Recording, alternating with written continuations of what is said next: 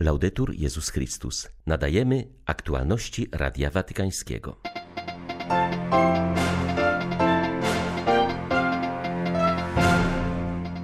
Prawdziwa wola nawrócenia konkretyzuje się w odpowiedzi na otrzymaną i przyjętą miłość Boga, powiedział papież, przypominając o sensie sakramentu pojednania. Kaznodzieja Domu Papieskiego w kolejnym rozważaniu wielkopostnym zwrócił uwagę, że ten, kto wierzy w Chrystusa, może sprostać pokusie bez sensu i nie będzie chodził w ciemnościach. Oszczędzamy w taki sposób, aby nie zaszkodziło to misji papieża oraz ocalić miejsca pracy i wynagrodzenia, zaznaczył prefekt sekretariatu do spraw ekonomii Stolicy Apostolskiej, przedstawiając budżet na 2021 rok. 12 marca witają Państwa Krzysztof Bronk i ksiądz Krzysztof Ołdakowski. Zapraszamy na serwis informacyjny. Bycie miłosiernym nie oznacza bycie pobłażliwym, to znaczy być bratem, ojcem i pocieszycielem. Te słowa skierował papież do uczestników kursu Forum Wewnętrznego zorganizowanego przez Penitencjarię Apostolską. Franciszek zatrzymał się nad trzema wyrażeniami, które wyjaśniają znaczenie sakramentu pojednania. Pierwsze to powierzyć siebie miłości, drugie pozwolić przemienić się przez miłość i trzecie odpowiedzieć na miłość. Ojciec Święty zauważył, że oddanie się miłości oznacza dokonanie prawdziwego aktu wiary. Wiara nigdy nie może być zredukowana do listy pojęć lub serii stwierdzeń, w które należy wierzyć. Wiara wyraża się i jest rozumiana w ramach relacji, relacji między Bogiem a człowiekiem oraz relacji między człowiekiem a Bogiem. Doświadczenie uczy nas, że kto nie oddaje się miłości Bożej, oddaje się prędzej czy później czemuś innemu, trafiając w objęcia mentalności światowej, co w końcu przynosi gorycz, smutek i samotność, ale nie uzdrawia. Tak więc pierwszym krokiem dobrej spowiedzi jest właśnie akt wiary, powierzenia się, z którym penitent zbliża się do miłosierdzia. Dlatego każdy spowiednik powinien zawsze być w stanie zadziwić się braćmi, którzy z wiarą proszą Boga o przebaczenie i również z wiarą oddają się Jemu, przystępując do spowiedzi. Ból z powodu grzechów jest znakiem takiego ufnego oddania się miłości. Ojciec Święty zaznaczył, że przeżywanie spowiedzi w ten sposób prowadzi do przemiany przez miłość. Serce kamienne staje się sercem z ciała. Dobry spowiednik jest zawsze wezwany do dostrzegania cudu przemiany, do dostrzegania działania łaski w sercach penitentów, zachęcając do odnowionego postępowania. Franciszek zwrócił uwagę, że prawdziwa wola nawrócenia konkretyzuje się w odpowiedzi na otrzymaną i przyjętą miłość Boga. Ten, kto został przyjęty przez miłość, nie może nie przyjąć swego brata. Ten, kto oddał się miłości, nie może nie pocieszać strapionych. Ten, kto otrzymał przebaczenie od Boga, nie może nie przebaczyć swoim braciom z serca. Kochając naszych braci i siostry, pokazujemy sobie, światu i Bogu, że naprawdę go kochamy i odpowiadamy zawsze w niewystarczający sposób na jego miłosierdzie. Dobry spowiednik zawsze wskazuje obok prymatu miłości Boga na nieodzowną miłość bliźniego jako codzienną siłownię, w której można ćwiczyć miłość do Boga. Aktualna intencja, by nie popełnić ponownie grzechu, jest znakiem woli odpowiadania miłości. W ten sposób częste przystępowanie do sakramentu pojednania staje się, zarówno dla penitenta, jak i dla spowiednika, drogą uświęcenia, szkołą wiary, powierzania się, przemiany i odpowiedzi na miłosierną miłość Ojca.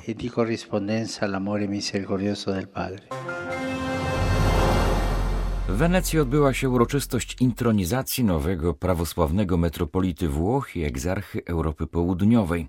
W specjalnym przesłaniu papież Franciszek życzył mu, by komunia, która już łączy katolików i prawosławnych, stała się jeszcze bardziej pełna i widoczna w czasie pandemii. Nowy metropolita Polikarpos Stavropoulos jest następcą zmarłego w październiku ubiegłego roku metropolity Zerwosa Gennadiosa. Został wybrany w połowie stycznia przez Święty Synod Kościoła Prawosławnego we Włoszech, który podlega jurysdykcji ekumenicznego patriarchy Konstantynopola. Podkreśla się, że jest on charyzmatyczną postacią w świecie prawosławia, bliską patriarsze Bartłomiejowi i otwartą na dialog ekumeniczny. Ufam, że wspólnie katolicy i prawosławni możemy wielkodusznie zaangażować się w służbę najsłabszym, szczególnie w dobie pandemii, przekształcając Bożą pomocą komunię, która już nas łączy, w pełną widzialną jedność, napisał papież w przesłaniu, które zostało odczytane w czasie liturgii inaugurującej posługę nowego metropolity przez sekretarza papieskiej Rady do Spraw Jedności Chrześcijan. Z kolei kardynał Kurt Koch, który odpowiada w Watykanie za relacje ekumeniczne, wskazał na znaczenie współpracy w głoszeniu Słowa Bożego, edukacji nowych pokoleń i służby najbardziej potrzebującym. Wiara w bóstwo Chrystusa jest kamieniem węgielnym chrześcijaństwa. Jej zakwestionowanie w czasach nowożytnych doprowadziło do rozkładu chrześcijańskiej wiary i osłabienia ewangelizacji. Po soborze, ale nie z winy soboru, było przyczyną wielu kryzysów kapłańskich. Wskazał na to kardynał Raniero Cantalamessa w trzecim rozważaniu wielkopostnym dla papieża i kurii rzymskiej. Dziś rozważał on bóstwo Chrystusa, które zostało zakwestionowane w następstwie reformacji. Paradoks polega jednak na tym, że protestanci przyjęli ten dogmat, co więcej podkreślili jego centralność. Wnieśli jednak do chrześcijańskiej wiary pewien element, który wprowadził ją na błędną drogę. Dla protestantów ważniejsze stało się bowiem to, kim jest Chrystus dla mnie subiektywnie, niż to, kim jest On w rzeczywistości. E dla oświecenia i racjonalizmu był to podatny grunt dla podważenia tego dogmatu. Dla Kanta bardziej niż osoba Chrystusa liczy się zaproponowany przez niego ideał moralny. Teologia liberalna XIX wieku zredukowała w praktyce chrześcijaństwo wyłącznie do wymiaru etycznego. Ogołaca Ewangelię ze wszystkiego, co nadprzyrodzone, cudów, wizji zmartwychwstania Chrystusa. Chrześcijaństwo staje się wysublimowanym ideałem moralnym, który może się obyć bez bóstwa Chrystusa, a nawet bez jego historycznej egzystencji.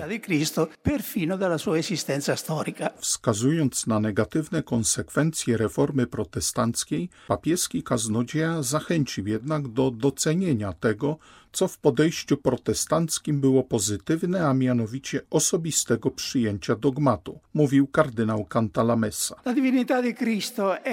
Bóstwo Chrystusa jest najwyższym szczytem, Everestem wiary. Wierzyć w Boga, który narodził się w stajni i umarł na krzyżu, jest to o wiele bardziej wymagające niż wierzyć w Boga dalekiego, którego każdy może sobie wyobrazić według własnego widzimisię. Musimy obalić w nas wierzących i w nas, ludziach Kościoła, fałszywe przekonanie, że jeśli chodzi o wiarę, to jesteśmy w porządku, a jedynie nad czym ewentualnie musimy popracować, to miłość. Wydatki zaplanowane w budżecie Stolicy Apostolskiej na bieżący rok są najniższe w historii. Spowodowane jest to przewidywalną mniejszą aktywnością papieża i jego współpracowników ze względu na pandemię, a także koniecznością oszczędzania. Musimy zacisnąć pasa, ponieważ znacznie spadły dochody. Oszczędzamy jednak w taki sposób, aby nie zaszkodzić misji papieża oraz ocalić miejsca pracy i wynagrodzenia, zapewnił w wywiadzie dla Radia Watykańskiego ksiądz Juan Antonio Guerrero Alves, prefekt sekretariatu do spraw ekonomii. W połowie lutego papież Franciszek zatwierdził budżet Stolicy Apostolskiej na bieżący rok. Prognozuje on deficyt w wysokości 50 milionów euro, co oznacza spadek dochodów o 30% w porównaniu do wyników sprzed pandemii. W rezultacie Stolica Apostolska jest zmuszona do oszczędności. Planujemy zredukować wydatki o 8%. To niewiele, ale nie możemy sobie pozwolić na więcej, gdyż połowa naszych kosztów to wydatki na personel, a ochrona miejsc pracy i wynagrodzeń była dla Ojca Świętego priorytetem w planowaniu budżetu. Papież jest bardzo wrażliwy na trudną sytuację rodzin, wyjaśnia jezuita. Podkreśla, że na wzrost deficytu wpłynął nie tylko spadek darowizn od wiernych, zmniejszenie dochodu z wynajmu nieruchomości, brak pielgrzymów i turystów, ale także działania pomocowe podjęte przez papieża w związku z pandemią. Na wsparcie kościołów znajdujących się w najtrudniejszej sytuacji przeznaczyliśmy 5 milionów euro, poinformował prefekt sekretariatu do spraw ekonomii. Pandemia nie zatrzymała tradycyjnej inicjatywy 24 godziny dla Pana. Przy zachowaniu obostrzeń sanitarnych odbywa się ona w kościołach, wspólnotach, szpitalach, domach opieki i więzieniach na całym świecie. Zainteresowanie jest ogromne. W tym trudnym czasie ludzie jeszcze bardziej potrzebują podjąć refleksję nad własnym życiem i bezpośrednio doświadczyć miłosierdzia mówi arcybiskup Rino Fisichella, kierujący watykańską dykasterią odpowiedzialną za tę inicjatywę, której towarzyszą słowa On odpuszcza wszystkie Twoje winy. W tym roku nie będzie tradycyjnego nabożeństwa pokutnego z papieżem Franciszkiem w Bazylice Watykańskiej. Prosimy jednak, by we wszystkich parafiach ta inicjatywa znalazła swe miejsce. Jest to bardzo ważny krok prowadzący nas ku Wielkanocy, która jest namacalnym znakiem nadziei, którą Pan daje każdemu z nas i całej ludzkości. Razem z poszczególnymi episkopatami zaproponowaliśmy, by spowiedź odbywała się przy zachowaniu zasad bezpieczeństwa, w specjalnie wyznaczonych pomieszczeniach, gdzie jest możliwość zachowania dystansu, a zarazem dyskrecji między penitentem i spowiednikiem, koniecznej do zachowania tajemnicy spowiedzi. Można się także spowiadać w konfesjonałach, jeśli podjęte zostały środki mające na celu powstrzymanie rozprzestrzeniania się wirusa. 24 godziny dla Pana to w istocie nabożeństwo pokutne poprzedzające czwartą niedzielę Wielkiego Postu zostały zainicjowane przez papieża Franciszka w 2014 roku. Chciał on, aby jak największa liczba osób miała okazję skorzystania z sakramentu pojednania. W tym celu dziś i jutro w kościołach organizowane są czuwania, podczas których dostępni są spowiednicy.